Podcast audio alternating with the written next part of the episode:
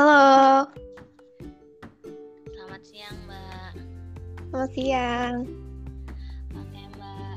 Eh, makasih banget ya, Mbak. Aku mau ngucapin eh, buat Mbak Nita yang udah nyempetin waktunya buat mau ikut podcast eh, siang hari ini. Oke, iya makasih juga ya udah ngundang aku di podcast kali ini. Aku mau perkenalan diri dulu ya, Mbak. Kenalin nama aku Mila Pratiandayani. Aku dari Prodi Fisika 2020. Mungkin Mbak Nita bisa perkenalan diri juga. Oke, halo, aku Anita Hindayanti Rukmana, biasa dipanggil Anita. Aku dari Kimia angkatan 2019, asal aku dari Kuningan.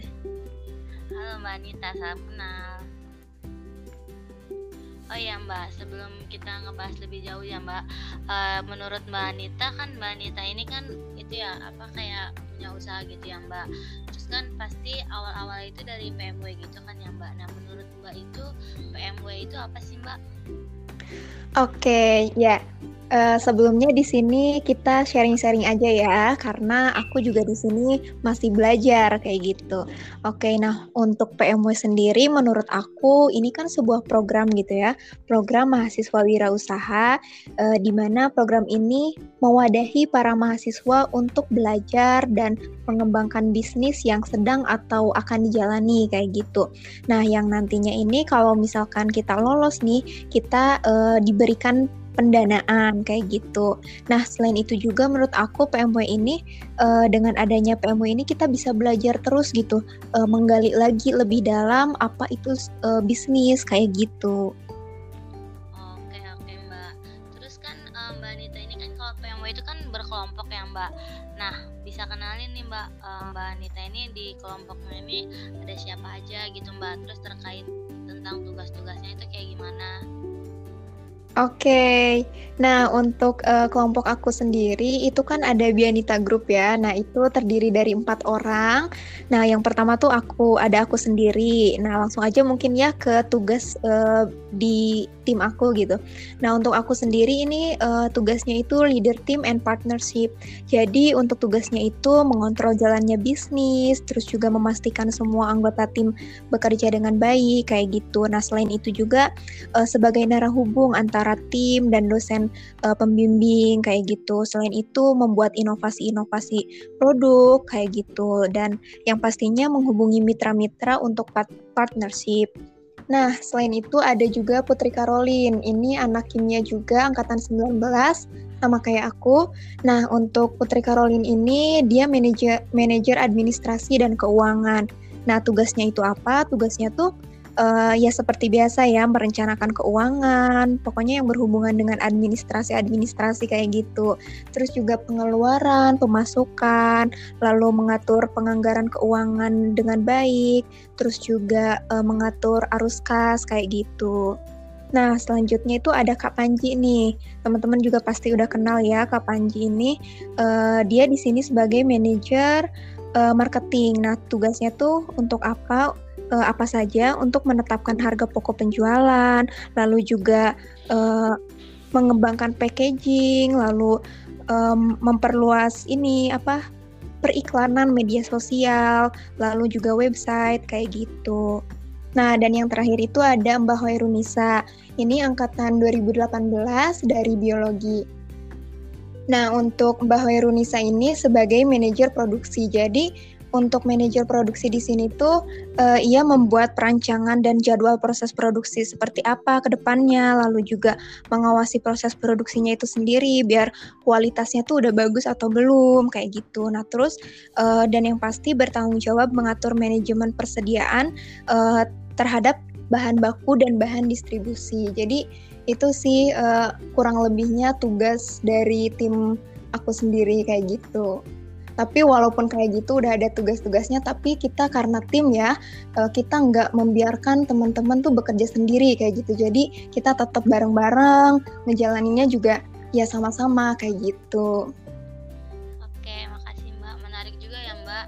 Eh, Tugas-tugasnya juga banyak. Terus kayak setiap orang gitu udah dapat tugasnya masing-masing gitu ya Mbak. Iya betul. Oh iya Mbak, aku mau nanya nih Mbak, uh, dari Mbak Anita sendiri uh, awal mula yang ngebuat Mbak Anita tuh pengen ikut PMW itu apa ya Mbak? Oke, okay. Nah, sebelumnya aku di sini mau cerita dulu ya sedikit tentang uh, small business aku gitu.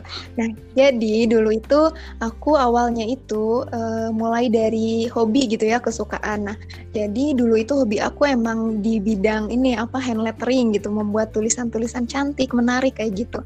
Nah, dari situ aku mulai post-post ke ini ke uh, sosial media aku kayak gitu kan. Nah dari situ ternyata dari teman-teman uh, sosial media aku tuh banyak juga yang uh, memberikan masukan saran gitu. Kenapa sih ini nggak dijual aja katanya gitu. Kenapa nggak di uh, buka jasa uh, ini jasa tulis kayak gitu kan. Nah dari situ aku mulai mempertimbangkan lagi apakah ini peluang gitu ya buat aku kayak gitu karena dari situ akhirnya aku uh, mencoba untuk menjual kayak gitu uh, hand lettering. Nah, dulu itu masih dalam bentuk medianya itu kertas kayak gitu. Nah, tapi seiring berjalannya waktu, aku mulai mencoba di media lain, nah yaitu acrylic sign kayak gitu. Nah, makanya kenapa uh, di sini tuh aku uh, membawa acrylic sign uh, yang tulisannya itu manual, tulisan aku sendiri kayak gitu. Nah, uh, awal mula aku tahu PMW itu dari mana? Awal mulanya juga karena aku ikut UKMPR gitu kan. Nah, dari situ aku mulai uh, mengenal teman-teman UKMPR. Nah, salah satunya nih Kak Panji gitu. Jadi Kak Panji ini yang uh, memberikan informasi terkait PMW itu kayak gimana, terus juga mengajak aku untuk mengikuti program PMW ini kayak gitu. Nah, akhirnya uh, dulu tuh sempat ragu gitu kan bisa nggak ya gitu uh, ikut PMW bisa nggak ya lolos? Karena kan aku juga memulai usahanya juga baru-baru gitu kan. Nah tapi ternyata untuk PMW itu tidak harus usaha yang udah berjalan selama berapa tahun gitu. Nggak harus kayak gitu katanya gitu kan. Nah akhirnya dari situ aku wah uh, kalau misalkan kayak gitu bolehlah uh, why not gitu ya? Uh, kenapa nggak kita coba gitu kan? Nah akhirnya aku mulai coba dan alhamdulillah kayak gitu lolos sampai sekarang kayak gitu. Oh iya mantap juga ya mbak ya. Awalnya iseng-iseng terus akhirnya jadi kayak udah jadi hobi gitu ya mbak. Terus kan lumayan juga ya mbak. Iya betul. Jadi peluang juga ya. Mbak Anita kan lolos tuh ya Mbak kan nah dari kelompok Mbak Anita ini kan namanya Bianita Group ya Mbak. Nah itu iya betul. uh, yang dilakuin setelah didanai itu apa aja ya Mbak Oke, nah untuk uh, yang kita lakukan setelah didana itu sebenarnya banyak ya. Mulai dari yang aku alami gitu, pengalaman aku mulai dari kita setelah ada pendanaan, kita mulai menata keuangan gitu kan. Terus juga menata bahan baku apa aja yang perlu kita beli kayak gitu. Terus juga bahan distribusi karena itu kan sangat penting ya. Nah, Selain itu juga kita uh, melakukan penjualan itu pasti ya, melakukan penjualan, melakukan promosi-promosi, terus juga melakukan produksi kayak gitu. Nah, untuk promosi-promosi itu sendiri karena untuk uh, tahun kemarin itu kan uh, masih pandemi juga ya, sampai saat ini juga kemungkinan iya gitu ya, masih sulit gitu untuk melakukan penjualan secara offline. Nah, makanya kita lebih memasifkan di uh, penjualan online terlebih dahulu kayak gitu. Nah, makanya kita lebih memasifkan lagi akun-akun sosial media platform uh, Bianita Group kayak gitu. Nah, selain itu nanti setelah pendanaan juga ada tuh yang namanya uh, monitoring and evaluation. Jadi di pertengahan itu kita harus melaporkan uh, bagaimana sih perkembangan bisnisnya, usahanya kayak gitu. Apakah mengalami uh, peningkatan atau penurunan kayak gitu. Nah, setelah adanya Monef, lalu nanti kita bakalan ada uh, lapor laporan akhir kayak gitu uh, terkait uh, gimana sih perjalanan bisnisnya, uh, perkembangannya udah sampai mana kayak gitu. Nah biasanya tuh tahun kemarin itu ada Expo KMI juga gitu. Nah semoga tahun ini bisa terlaksana juga kayak gitu. Nah mungkin itu sih ya yang uh, dijalani setelah di uh, setelah kita didanai kayak gitu. Kan nanti ada kayak monef gitu ya mbak nah semisal kita kayak ngalamin kemunduran gitu mbak itu dari pihak sananya itu uh, bakal uh, kita di nggak didanain lagi atau gimana itu mbak oke okay. nah uh, kalau misalkan kita mengalami ini ya kemunduran gitu di usaha kita gitu ya, uh, sebenarnya bukan uh, nggak didanai ya, tapi lebih dikasih arahan gitu. Nah kalau misalkan kita di bulan ini uh, ternyata penjualannya menurun nih karena promosi kita kurang, misalkan contohnya itu ya, misalkan promosinya uh, nggak masif gitu. Nah kita lihat tuh dari situ kita bicarakan sama uh, tim ininya tim pengelola PMW ternyata di bulan ini tuh kelompok kami mengalami kemunduran nih di dalam ini ini ini gitu kan. Nah, nanti dari beliau memberikan saran, memberikan masukan berarti ke depannya harus kayak gini ya Mbak untuk melakukan promosinya harus lebih ini lagi, mungkin lebih ditingkatkan lagi dalam uh, melakukan desainnya, promosi desainnya itu lebih menarik lagi kayak gitu. Jadi enggak bukan uh, tidak didanai lagi ya karena uh, untuk PMW ini uh, didanainya itu dua kali. Maksud dua kali di sini tuh uh, dua dua kali pencairan gitu. Jadi yang pertama itu 70%, yang kedua itu 30% kayak gitu. Tadi Mbak Nita bilang uh, bakal ada kayak expo KBMI gitu ya Mbak. Nah terus buat tahu informasi-informasi seputar kayak gitu itu biasanya Mbak Nita dapat infonya dari mana ya Mbak? Oke, okay, nah untuk PMW ini namanya Expo PMW berarti ya. Nah jadi untuk Expo PMW itu memang uh, aku tahun kemarin itu belum pernah ikut karena memang sepertinya tidak diadakan kayak gitu karena kan pandeminya lagi ini ya benar-benar uh, apa naik gitu. Nah, uh, jadi aku belum mengalami uh, belum pernah ikut P, uh, Expo PMW kayak gitu. Nah, um, kemungkinan untuk Expo PMW ini pasti di ini sih dikasih tahu gitu ya, pasti dikasih informasi apalagi untuk teman-teman yang udah lolos PMW-nya kayak gitu.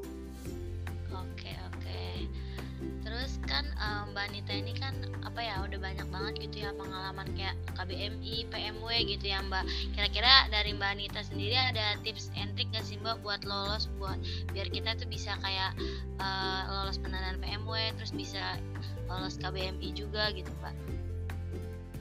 Oke, okay, ya di sini kita sharing aja ya. Sebenarnya aku nggak punya tips and trick yang benar-benar uh, gimana gitu ya. Ini sepengalaman aku aja. Jadi untuk uh, biar kita lolos gitu ya. Mungkin dari aku yang pertama nih, produk yang kita buat itu harus unik dan menarik kayak gitu. Karena uh, yang dilihat oleh para juri gitu ya, yang dilihat itu keunikan dari produk kita, keunikan dari judul kita kayak gitu. Nah, jadi sebisa mungkin kita membuat produk itu yang menarik dan unik kayak gitu biar lebih uh, ada nilai plusnya kayak gitu. Nah, terus selanjutnya itu buat target atau marketing yang meyakinkan. Nah, misalkan untuk usaha aku nih, usaha aku ini targetnya itu untuk para eh, orang-orang mahasiswa muda gitu, mahasiswa-mahasiswa, terus juga anak-anak muda, terus remaja remaja-remaja gitu kan. Nah, kita harus uh, mempunyai target yang meyakinkan kayak gitu. Uh, walaupun, uh, nah kalau misalkan kita udah mempunyai targetnya, misalkan kita anak muda nih. Nah, di sini juga kita harus lebih spesifikkan lagi. Anak muda itu yang kayak gimana sih? Yang uh, seperti apa gitu target kita. Nah, untuk aku sendiri anak muda yang emang uh, untuk pasarannya itu anak muda yang mencari gift birthday, gift uh, terus juga untuk wedding wedding, terus juga untuk uh, gift wisuda. Nah itu kan lebih spesifik ya ter, uh, marketing kita gitu, tujuan uh, targetnya kayak gitu. Nah, selanjutnya uh, buat proposal yang baik ses sesuai pedoman kayak gitu. Nah, karena ini juga penting banget ya. Uh, jangan sampai kita membuat proposal tapi uh, gak nggak mempelajari dulu pedomannya kayak gitu ya. Nah, itu sangat fatal sekali sih menurut aku karena memang untuk proposal uh, PMW juga uh, banyak banget ketentuannya gitu. Dan uh, dari yang pengalaman aku juga emang harus benar-benar nih yang kemarin aja kita uh, mulai dari tanda tangan itu harus benar-benar sesuai apa yang ada di buku pedoman kayak gitu. Jadi memang untuk membuat proposal PMW ini teman-teman harus mempelajari dulu gitu uh, buku pedomannya itu. Kayak gitu sih. Mungkin itu tips and trick dari aku sih. Kayak gitu. Banget ya Mbak. Makasih banget tips and triknya. Semoga berguna buat teman-teman yang lain. Uh, Oke. Okay yang terakhir nih Mbak, mungkin dari Mbak Anita ada motivasi atau saran-saran buat teman-teman yang lain yang uh, pengen ikut PMW atau KBMI atau sejenisnya Mbak? Oke, okay, uh, eh, mungkin dari aku ya menurut aku ya setiap orang itu punya peluang dan bisa jadi pengusaha gitu.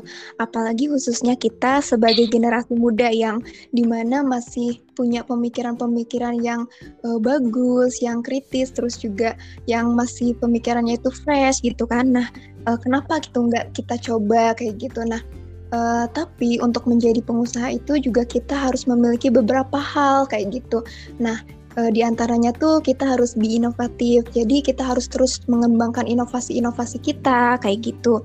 Selain itu juga kita harus mengambil uh, berani mengambil resiko, terus juga kita harus konsisten. Nah, uh, ini juga kunci ya salah satu kunci untuk menjadi seorang pengusaha tuh harus konsisten karena menurut aku pengalaman aku gitu kalau misalkan kita nggak konsisten itu malah ada apa ya kayak penurunan gitu setiap bulannya tuh kayak gitu. Jadi memang harus konsisten. Nah, dan uh, aku juga percaya gitu ya setiap orang itu uh, punya ide dan keunikan tersendiri sehingga uh, balik lagi ke diri masing-masing bagaimana sih cara kita menemukan dan mengarahkannya ke arah yang tepat kayak gitu. Jadi uh, semangat terus buat ikut uh, PMW, KBMI karena ini juga merupakan peluang gitu ya peluang untuk uh, kita sebagai generasi muda yang emang mau belajar tentang kewirausahaan kayak gitu. Oke, makasih banyak Mbak Anita buat tips and trick, motivasi, terus sharing-sharing pengalamannya. Gak kerasa kita udah di akhir aja ya Mbak. Uh, terus aku mau ngucapin makasih buat Mbak Anita yang udah nyempetin waktunya buat berbagi pengalaman di podcast kali ini Mbak. Oke, sama-sama. Semoga bermanfaat ya. Kali ini uh, makasih buat Mbak Anita. Mohon maaf kalau misalkan ada kesalahan ya Mbak. Mungkin dari aku aku tutup. Uh, wassalamualaikum warahmatullahi wabarakatuh. Sampai jumpa lagi Mbak Anita. Waalaikumsalam warahmatullahi wabarakatuh. Oke sampai jumpa